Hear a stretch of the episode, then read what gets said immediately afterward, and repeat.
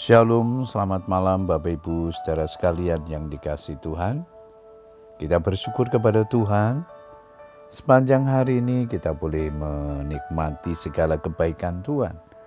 Kita boleh beribadah bersama-sama dengan keluarga kita di gereja dan menikmati kebersamaan dengan keluarga kita sepanjang hari ini. Malam hari ini sebelum berdoa saya akan membagikan firman Tuhan yang diberikan tema pemurnian dari Tuhan. Ayat mas kita di dalam Yesaya pasal 48 ayat yang ke-10 firman Tuhan berkata demikian.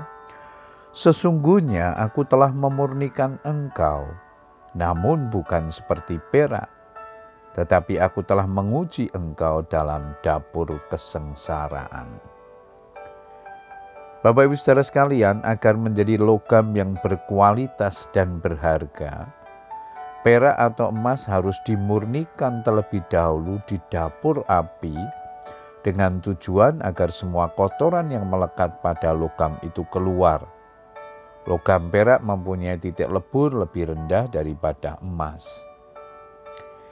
Demikian juga ketika menjalankan tugas pelayanannya di bumi.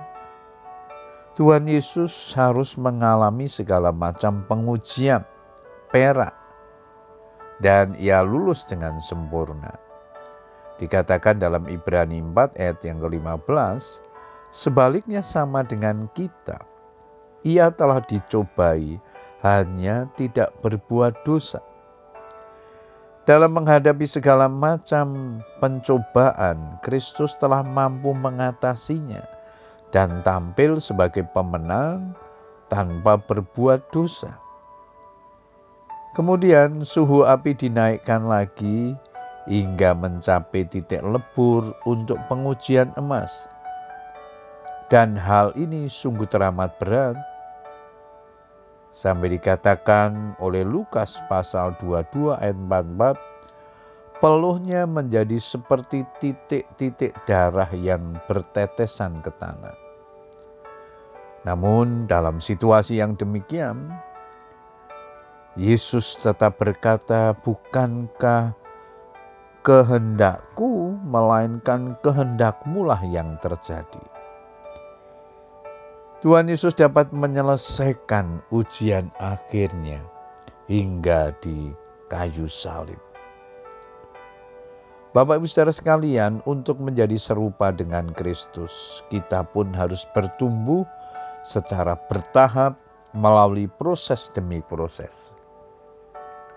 Ada kalanya Tuhan mengizinkan kita melalui masa-masa padang gurun.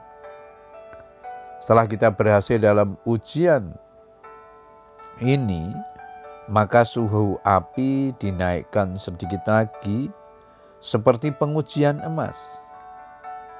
Ujian untuk emas yang berlaku dalam kehidupan ini memang sangat menyengsarakan. Tetapi tujuannya adalah untuk membuang sisa-sisa manusia lama kita yang masih melekat di dalam diri kita ini. Sifat-sifat manusia lama ini tak pernah nampak sampai ada tekanan yang menimpanya. Dalam keadaan normal dan api tidak dinyalakan, orang Kristen dapat saja memperlihatkan perilaku yang baik seperti Kristus, tapi ini bukan sifat sesungguhnya yang dimiliki. Karena apabila api dinyalakan, pencobaan mulai datang saat itulah karakter aslinya akan muncul. Topeng-topeng mulai dibukakan dan semua sifat manusia lama akan tampak secara nyata. Hanya orang-orang yang lulus dalam ujian perak dan emas yang dapat memiliki sifat dan karakter Kristus dalam dirinya. Puji Tuhan Bapak Ibu saudara sekalian, biarlah kebenaran firman Tuhan ini menolong kita untuk terus dibaharui di dalam pengikutan kita akan Tuhan. Selamat berdoa. Tuhan Yesus memberkati. Amin.